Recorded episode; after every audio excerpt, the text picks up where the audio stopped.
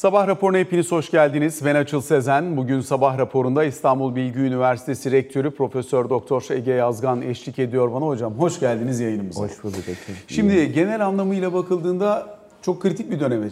Piyasalar açısından önemli bir süreç. Neden? Bu akşam itibariyle FED toplantısı var. Dolayısıyla o toplantıdan çıkacak olan kararlar, FED'in bir politika hatası yapıp yapmayacağı yönündeki beklentiler, aynı zamanda işte bir resesyon olacak mı, Fed buna yol açacak mı? Olacaksa ne kadar ağır olacak gibi soru işaretleri uluslararası piyasalarda fiyatlanmaya çalışılan unsurlar. Bizim tarafımızdaysa özellikle yeni kabine, Mehmet Şimşek'in göreve gelmesi, ardından Merkez Bankası Başkanı olarak Gaye Erkan'ın atanması, bunun sonrasında ortaya çıkan tablo ve özellikle şu dönemde anladığımız kadarıyla bütün paydaşlarla teker teker görüşerek, görüş alarak işte regülasyonlar uygulanacak politika, bunun etkileri, yan etkileri bunların analizleri yapılarak çalışılmaya devam ediliyor. Piyasada bekliyor. Ee, ilk etapta özellikle kur tarafında bir serbest piyasaya bırakılacak olursa iş e, alıcı satıcı birbirini nerede buluyor bu görülmek istendi. Anladığımız kadarıyla orada ilk etapta bir %7'lik hareket olunca buradaki talebin bir miktar beklentinin üzerinde olduğu anlaşıldı. Dolayısıyla kurda yeniden kontrollü bir tabloya doğru dönüş evet. yaşandığını görüyoruz. Cuma günü itibariyle de 14.30 bizim öğrendiğimiz kadarıyla e, Hazine ve Maliye Bakanı Mehmet Şimşek banka genel müdürleriyle bir araya geliyor.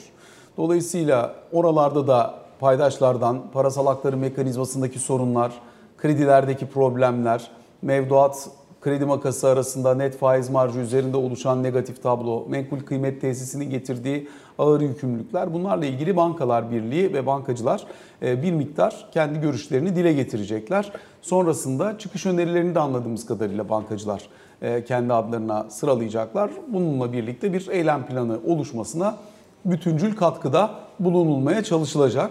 Fakat temel e, konu bu bir zaman gerektiriyor piyasanın ve şu an itibariyle e, genel gidişatta fon akımlarının ne kadar sabrı var, ne kadar e, burada bekleme e, imkanı var. Hani kredi de açmak lazım, vakit de vermek lazım. Kolay değil çünkü hani e, bütün bu sistemi baştan özümseyip e, yeni bir politika bunun üzerine inşa etmek. Dolayısıyla hem kabine hem Merkez Bankası atamasını nasıl buluyorsunuz diyerek bir önce onunla başlayayım. Sonra bunların hepsinin üzerinden sırayla geçeceğim. Evet, e, şimdi e, kabine ataması, e, biz kabinedeki isimlere baktığımız zaman yani hepsinin gerçekten liyakatlı isimler olduğunu gördük. Ve özellikle tabii bizim konumuz açısından tabii Sayın Mehmet Şimşek, dolayısıyla burada uluslararası credibility'si ve eskiden yapmış olduğu performans açısından da baktığımız zaman Sayın Şimşek'in ben de yani birçok insan da aynı şekilde paylaşıyor. Burada e, gayet liyakatlı ve e, şu bu zor dönemin üstesinden gelebilecek bir isim olduğunu düşünüyoruz. Ama ıı, şimdi tabii bundan sonra bu politikayı uygulamak o kadar kolay bir şey değil. Şimdi bunları zamanla göreceğiz. Zaten zorluklar başladı.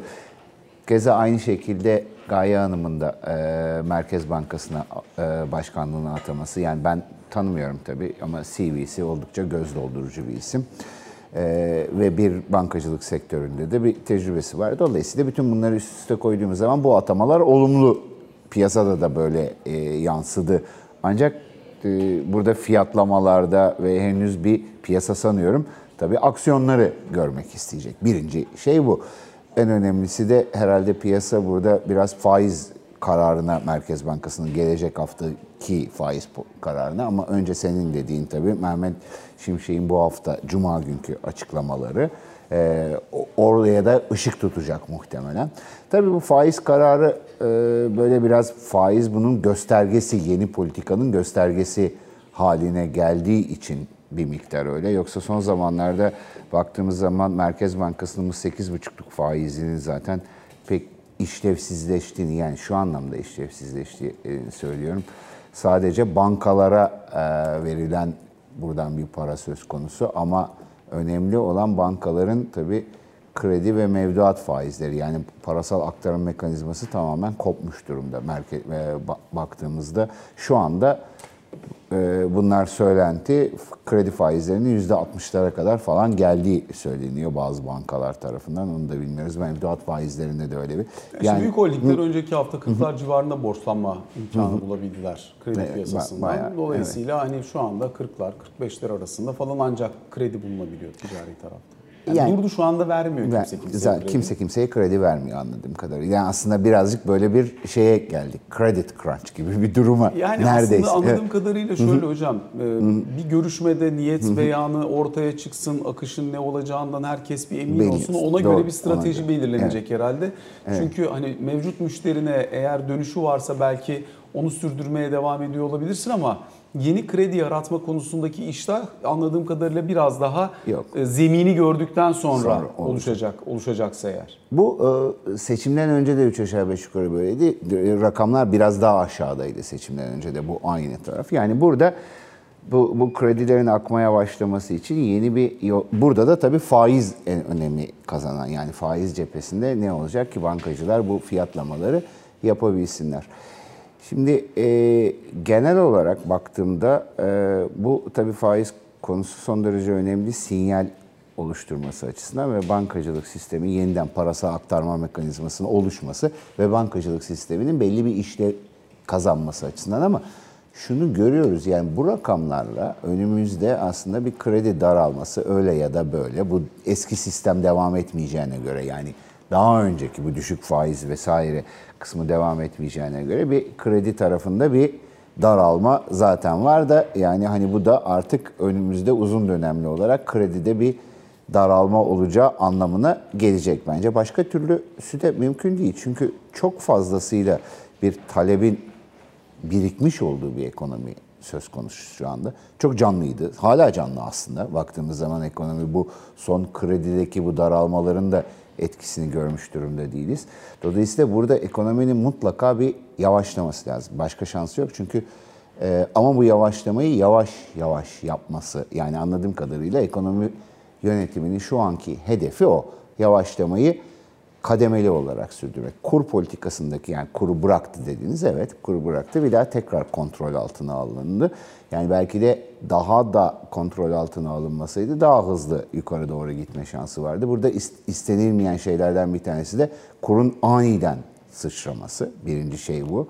Kaçınılmak istenilen en önemli konu bu. Çünkü orada bir sıçrama olduğu zaman o zaman zaten ister istemez ekonomi hızlıca durma noktasına gelecek. Yani kurun hızlı yükselişi ee, şey e, 2018'de görmüştük buna benzer bir şey. Oradan ekonomi resesyona doğru seyretti. Öyle bir şey olmasın birincisi istenilen şeyler. Ama faizler de çok sert bir biçimde ekonomiyi durdurmasın. Orada da bir kademeli bir geçiş olsun ama şimdi piyasada tam o kademeli kısmını piyasa o kadar kolay kolay kademeli bir iş yapabilecek bir yer değil. Çok hızlı hareketler yapıyor. Tepki geldiği zaman kurda gördüğümüz gibi hızlıca bir hareketi e, sürüklüyor. Onu kontrol altına alınmasının da tek bir şeyi var bence. Esas mesele o. Bu kur korumalı mevduat kısmının ne olacağını anlamak lazım. Şimdi Orada hocam ciddi bir yani evet. şunu söyleyebiliriz herhalde. Yani bu iş ilk düzenleme başladığında bir halka iç içe geçmiş zincirler şeklinde arka arkaya gelen düzenlemeler ama şu anda iş hani biraz Arap saçına döndü. Dolayısıyla Evet, e, o kadar çok düzenleme, o kadar çok regülasyon, o kadar çok, Çok doğru. arka arkaya atılan adım var ki ve kontrol alanı o kadar genişledi ki Merkez Bankası'nın genişlemek zorunda kaldı. Sonuç itibariyle şu anda bir yerinden çektiğinde diğer taraflarda da onun etkisini e, yoğun bir Görüyoruz, şekilde görmek durumunda kalabiliyorsun. Şimdi bu söylediğim biraz önce çok önemli. Onun üzerinden devam edelim. Özellikle önce kurdaki talebi ortadan kaldırmak bir. Evet. Varsa dövizi bozmaya ikna etmek iki. Bunun için aslında normal şartlar altında e, serbest piyasa ekonomisine ve serbest piyasa kuruna geçiş için bir karşıt e, teminat olmadığı için yani rezerv çok Evet. fazla yakıldığı için Tabii. orayı serbest bıraktığında da problem, kontrol altında tutmaya çalıştığında da problem. Yani herhalde önümüzdeki haftaki para politikası kurulu toplantısına kadar Evet. bir miktar böyle gidip ondan sonrası için mi beklemek, beklemek lazım? Yani çünkü orada paranın fiyatını bir doğru yerde belirleyip Çok doğru. ondan sonrası için bunların hepsini üstüne mi inşa etmek isteyecek isteyecek yeni ekonomi yönetimi? Mu- Öyle yapmak zorunda çünkü piyasada o taraftan yani başka türlü piyasanın tatmin olma iht- ihtimali yok. Yani şu anda tabii çok uzun zamandan beri şey bozulmuş durumda. Bunu bir hepimiz biliyoruz. Yani bir, bir sonuçta faiz çok düşük olduğu için TL'nin fiyatı çok düşük. Dolayısıyla herkes tabii ki mal vesaire ne hangi finansal varlık oraya bulabilirse oraya geçmeye çalışıyor. Şimdi bir kısmı da kur korumalıda duruyor, dövizde duruyor. Orada 120 milyar dolara yaklaşık. Şimdi bu miktar çok büyük bir miktar. Eğer oradan bir çözülme olursa zaten kuru tutmak zor olur. Ee, çok zor bir denge olduğu için de bunu insanları aslında TL'de durmaya ikna edecek bir faizin oluşması lazım ki bir rahatlık olsun e, önünde iktidarın ama sorun da şu bu çok yukarıda olursa ekonomi çok hızlı durur şeklinde bir korku var. Bunu yapmaktan imtina ediliyor ama o da bir taraftan da bunu yapmazsanız da kur çok hızlı bir biçimde yükselerek zaten bunu yapabilir ki oradan gelecek olan yıkım daha fazla olur. Yani ben kurla, kurun hızlıca yükselip ekonomiyi resesyona doğru seyretmesindense faiz oranlarının e, insanları tatmin edebilecek en azından bir süre için bunu e, tatmin edebilecek bir düzeye gelip TL'de durmalarına ikna etmelerinden oluşabilecek olan yavaşlamanın daha iyi olacağını düşünüyorum. Yani bu ikisini çünkü burada başka bir yol maalesef yok. Yani ya bunu yapacaksınız ya da e, işte kuru bu şekilde tutmaya devam edeceksiniz. Faiz oranında insanların TL'de durmasına ikna olacak bir düzeye eğer gelmez ise o zaman sürekli bu talep kur üzerindeki baskı devam edecek. O zaman tamam diyelim ki yazın belli bir ölçüde turizmle para girdi. Rahatladınız. Kısa vadeli bir kaynak buldunuz vesaire. Kuru belli bir süre böyle tutabildiğiniz ama son, bunu tutmanız bu şekilde mümkün olmayacak. Ve eninde sonunda oradan hızlıca bir sıçrama geldiği zaman ekonomi zaten hızlıca resesyona girecek. Buradan gelecek olan yıkım daha fazla. Dolayısıyla bunu kontrollü bir biçimde yapmanın tek yolu faiz enstrümanını kullanarak faiz enstrümanı üzerinden dediğim gibi bu çok zor işte. Herkesi yani piyasayı ve ekonomik aktörleri TL'de durmaya ikna edecek, bu yeterlidir diyebileceği bir faiz oranının sunulması lazım finansal piyasada. Peki Ve bu, nedir? Bir avazda ciddi beklenen enflasyon seviyesi neresiyse ki piyasada 40'lar görünüyor. Evet. Bir avazda böyle bir faiz evet. ve hani politika faizinin gidebileceği, enflasyonun değemeyeceği yer neresiyse oralara kadar getirdik. Ekonomiyi yavaşlatarak, talebi kısarak böyle bir Evet. şey böyle bir şey mi beklersiniz? Ben- Yoksa e, belli bir seviyeye getirip niyet beyanı yapıp ondan sonra kademe kademe inandırıcılıkla devam edecek bir formül mü? Ya da daha yaratıcı bir formülü var mı bunun? Onu da sorayım. Şimdi ikinci söylediğim bence biraz zor. Yani önce e, bir önden yüklemeli yüksek bir faiz arttırmanın Misal ya yani şimdi bunlar misal mesela 30'lara falan çıkması lazım. Yani bence çünkü e, başka türlü ben ikna olunabileceği kanaatinde değilim. O zaman öbür türlü yavaş yavaş gidecek diyelim. Tamam? Dediğin gibi işte yaptık. Niyetimizi bu şekilde faizleri yukarı doğru çekiyoruz dediniz. E aynı şey devam ediyor. O zaman hani ne kadar gideceksiniz? Yani politika inandırıcılığı konusunda da sorun var. Aslında yüklü bir faiz artırımını önceden yapıp herkesi bu an e, niyete, buradaki niyete kesin olarak ikna etmek ve ondan sonra enflasyonda bir düzelmeyi gördükten sonra burada bir rahatlamaya gitmek bence daha akıllıca olan. Şimdi tabii bir 9 ay sonra da seçim var. Bu da siyasi bir karar. Mesela böyle yaparsanız seçim üzerinde ne etkisi olabilir? İşte böyle yaptığınız zaman belki 4-5 aylık bir süre içerisinde bu yavaşlamanın belki resesyonun da hemen hızlıca ortadan kalkmasını beklemek lazım ki son 3 ay biraz siyaseten yavaşlamaya nazaran seçime doğru biraz ekonomiyi genişletmek. Şimdi bunların hepsi çok zor ama. Yani benim dediğim aslında burada biraz e, yerel seçimler de bu anlamda işi bozuyor. Çünkü aslında böyle bir politika yapacak olsanız burada bekleme süreniz böyle 4-5 ay, 6 ay falan gibi kısa bir süre olmazdı. En az bir senelik bir e, ufuk tanırdınız kendinize. Önceden yüklemeli getirirdiniz faiz oranını ve orada piyasayı ikna etmeye çalışırdınız. Şu da var, tabii para politikası sıkılaştıkça bu şu demek değil. Belki eğer buradaki resesyon etkilerinden kaçınmak istiyorsanız bunu kredi veya para politikası üzerinden değil, maliye politikası üzerinden yapmaya çalışabilirsiniz. Bu sene Nasıl olacak hocam? nasıl olacak diyorsunuz? Tamam. Şimdi Bir buçuk trilyona gidiyor bütçe. Evet şimdi bu sene bütçe açığı neredeyse milli gelirin yüzde onuna yaklaşacak şimdi. İnanılmaz büyük bir bütçe açığı ama yine de kamu borcu o kadar yüksek yerlerde değil. Yani bir sene bunu kaldırabilir Türkiye ekonomisi. Yüzde dokuzluk bir kamu.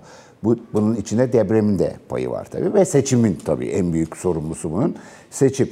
Şimdi e, gelecek sene deprem konusunda e, eli rahatlayacak bir anlamda. Harcamaları tek bu kadar yüklü yapmak zorunda değil. E, seçim de yok ama seçimde bir taraftan da var yerel seçim. O da işte zaten işi zorlaştıran nokta orası. Şimdi e, hala kamu borcu aslında belli bir ölçüde borçlanma yapıp biraz e, maliye politikasıyla desteklemeye ben müsait olduğunu düşünüyorum. Bir de şöyle bir şeyi alışmamız lazım galiba. Yani biz desteklemek ve ekonomiyi hızlandırmak istersek hep bildiğimiz kanal kredi mekanizması üzerinden çalışıyor. Yani para politikasını kullanarak bunu yapmaya çalışıyoruz. Halbuki aslında maliye politikasını burada gündeme getirseniz daha adil bir iş yapmış olursunuz ve daha amaca uygun bir iş yapmış olursunuz. Çünkü para politikasını böyle gevşettiğiniz zaman ve herkese açtığınız zaman hiçbir şekilde amaca uygun bir şey olmuyor. Yani amaç ne? Burada bu kredi yatırıma dönüşsün diye bir amacınız var ama böyle bir şey söz konusu olmuyor.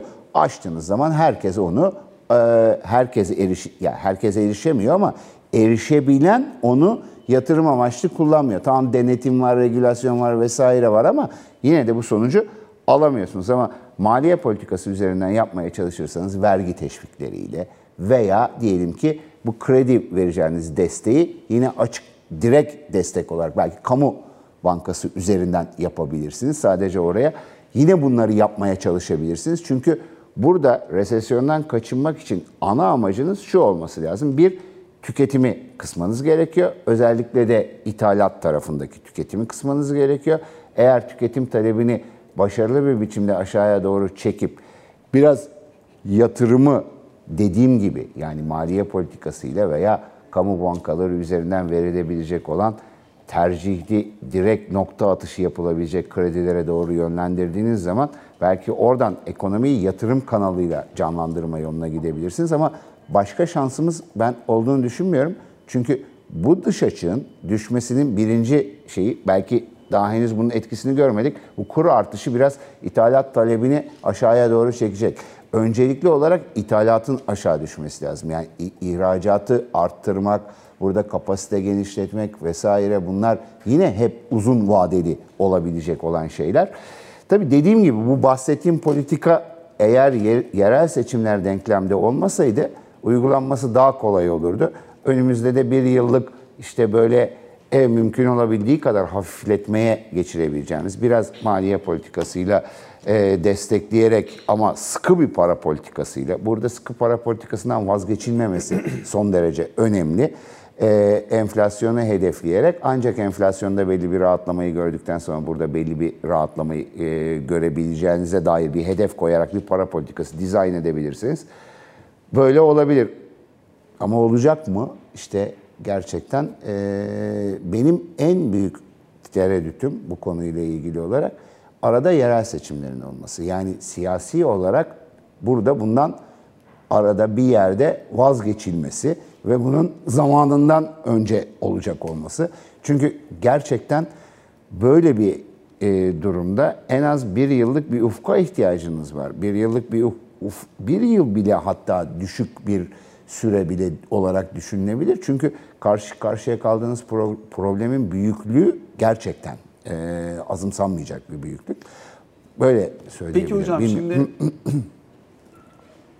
para politikasının ciddi yan etkileri oldu. O yan etkileri yönetmek için bütçe tarafı, hazine tarafı, maliye tarafı sürekli çabalayarak işte ciddi bir açığa doğru gitti iş. E, bundan sonrasında da bu açığın bir kısmı kalıcı. Yani deprem var elbette işin içerisinde çok önemli bir faktör olarak ama bunun haricinde de işte emekli maaşlarının belli bir seviyeye getirilmesi, e, işte e, işveren desteklerinin belirli bir seviyede tutulmaya devam edilmesi, asgari ücretin yukarıya çekilmesi, toplu sözleşmelerde atılan adımlar, kamu işçilerinin talepleri, memur maaş zamları, emeklilerde işte taban aylıkların yükseltilmesi vesaire derken Tamam. bu açıkların ve e, maliyetlerin bir kısmı kalıcı. İnsanların hayatlarını idame ettirebilmesi için de bunlar verilmek zorunda kalındı. E, Dolayısıyla hani kimsenin alacağında kimsenin gözünün olmaması lazım. E, Sonuçta bu bir politika tercihiydi. Sonucu da buraya geldi. Fakat şimdi hali hazırda o para politikası yan etkilerini ortadan kaldırmak için atılan adımlarla beraber canlı kalmaya devam eden bir ekonomik aktivite var. Biraz bunların detaylarını konuşmak isterim. Zira mesela dün itibariyle Nisan ayında perakende satış endeksi rakamları geldi. Orası mesela işte yıllık %27,5 artışı var. Gene kuvvetli kalmaya devam ediyor oradaki satışlar. İşte Ciro endekslerine bakıyorsun aydan aya gene %3,5'un üzerinde artış devam ediyor. Hemen hemen aylık enflasyon civarında artışla devam ediyor demek mümkün bunlara. Dolayısıyla iki şey soracağım. Bir, canlı kalmaya devam eden bir iç talep var. Bireysel kredilerdeki büyüme hızının hala yüksek kalmaya devam ettiği bir ortam var elimizde. Bir de bunun yaratmakta olduğu enflasyonist döngü hali hazırda devam ediyor. Daha bunun üzerine kur artışından gelecek ekstra maliyet enflasyonu da eklenecek. O yüzden hani burada para politikasının simgesel bir anlamı var ama bunun ötesinde enflasyonu düşürmesini de bekliyoruz ya. Bu kadar canlı ekonomide nasıl olacak o?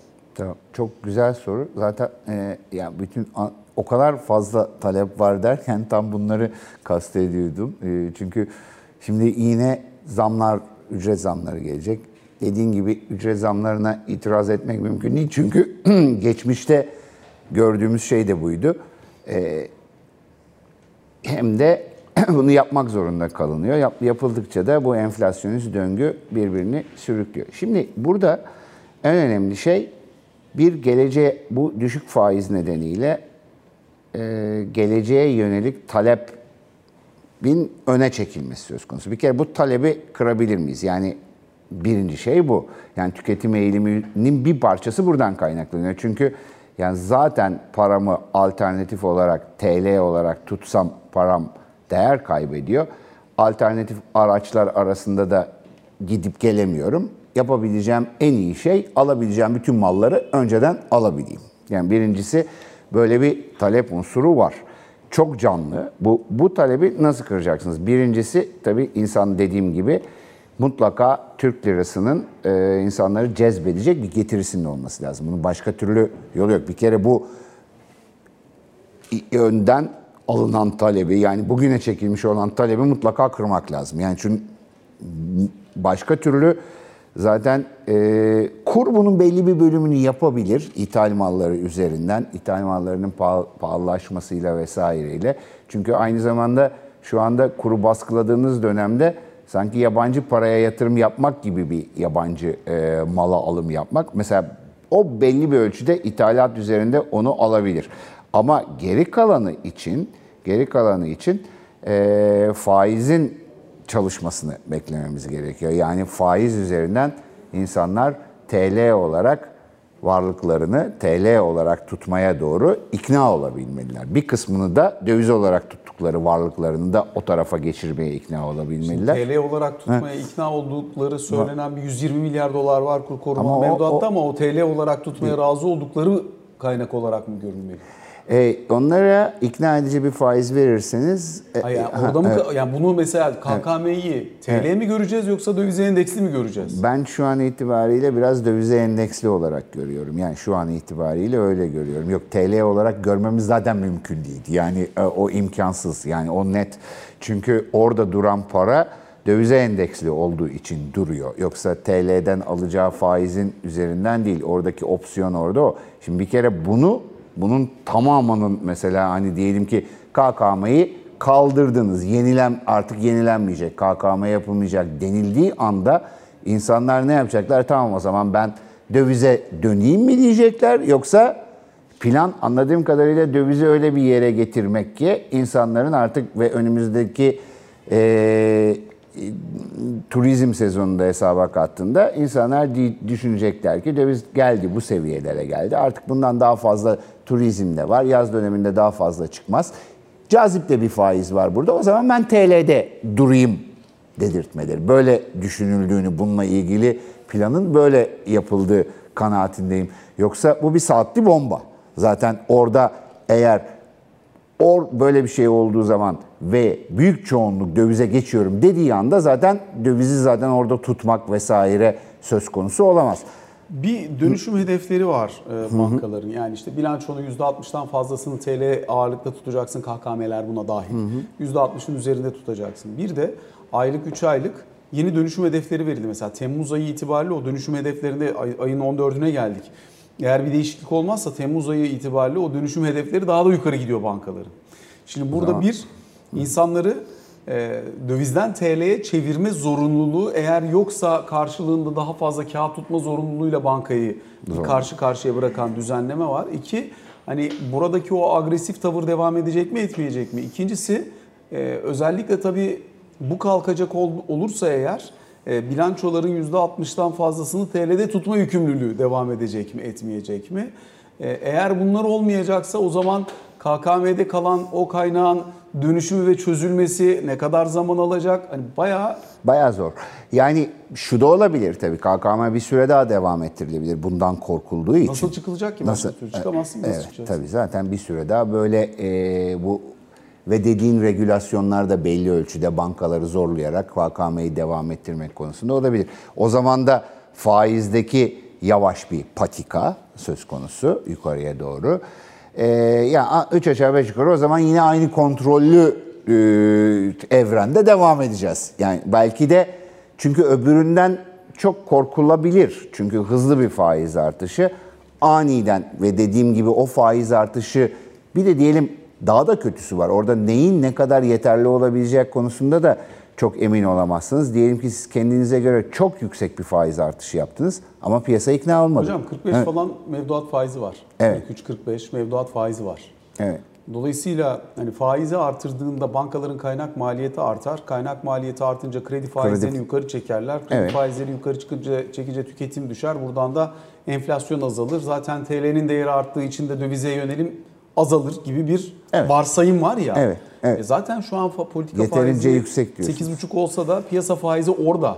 Yani gelecek olan ekstra şey sadece kredi faizleri üzerinde etkili olacak ama buna ne kadar razı olunacak? ama Doğru şimdi- mu? Bunu tartışıyoruz. Evet hem bir, bir, bir tarafı o ama şey de olabilir. Yani bununla beraber bu artışla beraber biraz daha da mevduat faizleri de yukarı doğru gidebilir. Şimdi senin yaptığın şeyde mevduat faizleri bu burada sabit kalıyor. Kredi faizleri daha da makas daha da açılıyor.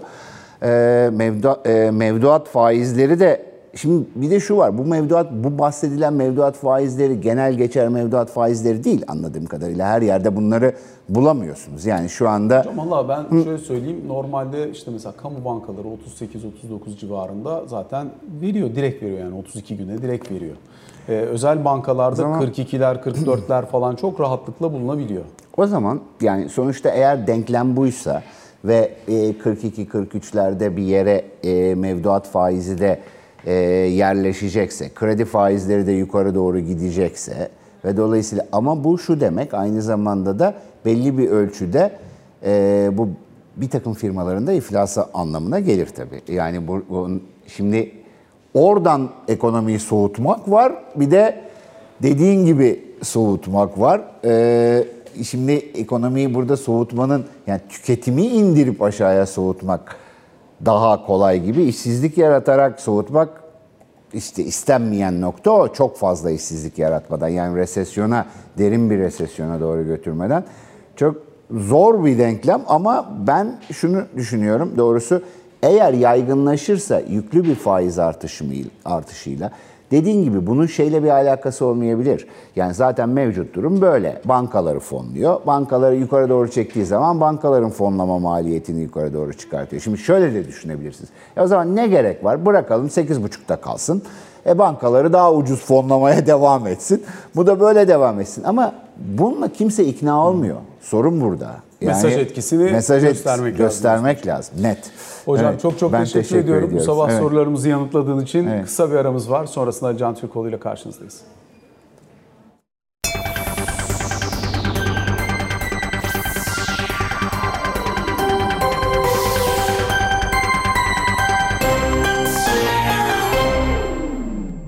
Sabah raporunun ikinci bölümüyle karşınızdayız. Ali Can Türkoğlu ile birlikteyiz. Ali Can günaydın. Günaydın. Özellikle hem kabine toplantısı hem dünkü asgari ücret görüşmeleri ilk görüşme e, bir de muhalefet cephesinde neler oluyor?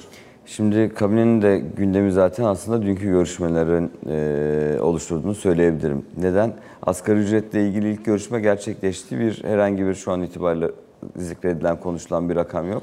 Ama işte seninle birkaç gündür konuştuğumuz 500 dolar üzerinden e, oluşan bir algı var, bir beklenti var. Bu karşılanabilecek mi? İşveren tarafının kendi talepleri var işte. E, şu anda çalışan başına 400 lira olarak verilen desteğin artarak devam etmesi yönünde. İşçi tarafının beklentileri var. Hayat pahalılığına, enflasyona, ev kiralarına göre bir güncelleme istiyoruz yönünde.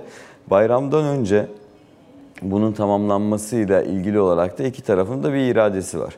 Dolayısıyla tamamlanır mı tamamlanmaz mı göreceğiz. Henüz ikinci toplantının tarihi belli değil ama bir iki gün içerisinde bu toplantının gerçekleştirilerek hızlı bir şekilde bu sürecin tamamlanması gibi bir hedef var. Bugün de kabinenin gündeminde ana gündemlerinden birisi de bu. Bu arada bu kabine normalde iki haftada bir yapılıyordu bilindiği gibi. Geçen hafta da yapılmıştı. Aslında geçen haftaki kabinenin ilk toplantısının... Ama daha yeminler bile edilmemiştir. Evet. Dolayısıyla bugünkü kabine toplantısını aslında daha e, icraata yönelik kararların alınabileceği bir toplantı olarak düşünmek lazım. Çünkü meclis de mesela 15 Temmuz'da tatile girecek. Önümüzde bir aylık bir süre var.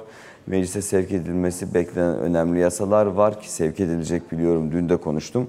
En düşük e, memur maaşının yükseltileceği, e, en düşük emekli aylığı olan 7500 lira üzerinde alanların maaşlarının kademeli olarak yükseltileceği, e, bu emeklilere enflasyon farkının ve refah payının verileceği bir torba yasa Türkiye Büyük Millet Meclisi'ne gidecek. Muhtemelen birkaç gün içerisinde o da e, gider ve görüşülmeye başlar. Dolayısıyla bu da konuşulacak bugün kabine toplantısında. Deprem bölgesindeki inşa, inşaat çalışmalarıyla ilgili son süreçle ilgili bilgi verecek Çevre ve Şehircilik Bakanı. E, kira konusu var. Bu %25'in e, süresinin uzatılması gibi bir konu gündemde. E, aynı zamanda Adalet Bakanlığı da e, fahiş artışlarda bulunanlara ilişkin ceza içeren, hapis cezası içeren e, çalışmasını da tamamladı. Muhtemelen bununla ilgili olarak da bugün e, bir sunum gerçekleştirilecek. Belki bir açıklama yapılabilir Cumhurbaşkanı tarafından.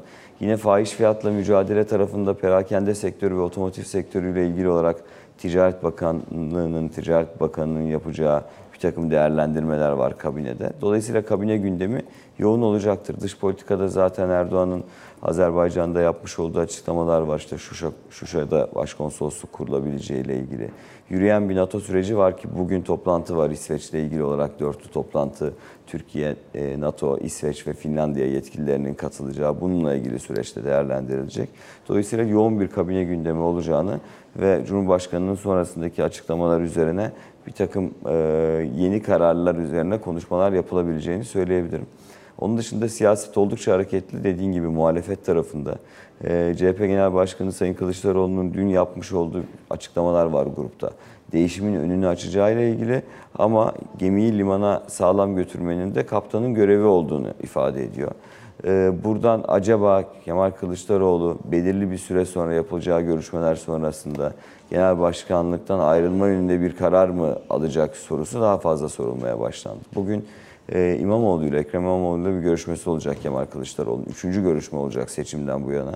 Özellikle değişimi e, en fazla dillendiren kişinin İstanbul Büyükşehir Belediye Başkanı olduğu ve eğer uzlaşma sağlanırsa kendisinin CHP Genel Başkanlığı'na aday olabileceği yönündeki beklentiler CHP kulislerinde oldukça fazla konuşuluyor.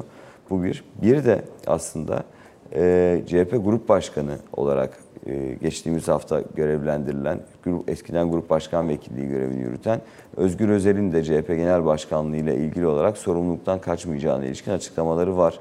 Dolayısıyla bugünkü İmamoğlu-Kılıçdaroğlu görüşmesinden sonra CHP kanadından yeni açıklamalar gelebilir. Ancak e, çok adaylı bir CHP Genel Başkanlığı seçim süreci de olabilir. 15 Ekim'de ilk kongreleri bitirecek. 15 Ekim'den sonra PM'nin vereceği herhangi bir takvimde, tarihte CHP Genel Başkanlığı içinde seçim gerçekleştirecek. Alican teşekkür ediyoruz. Böylelikle sabah raporuna son noktayı koymuş oluyoruz. Hoşçakalın.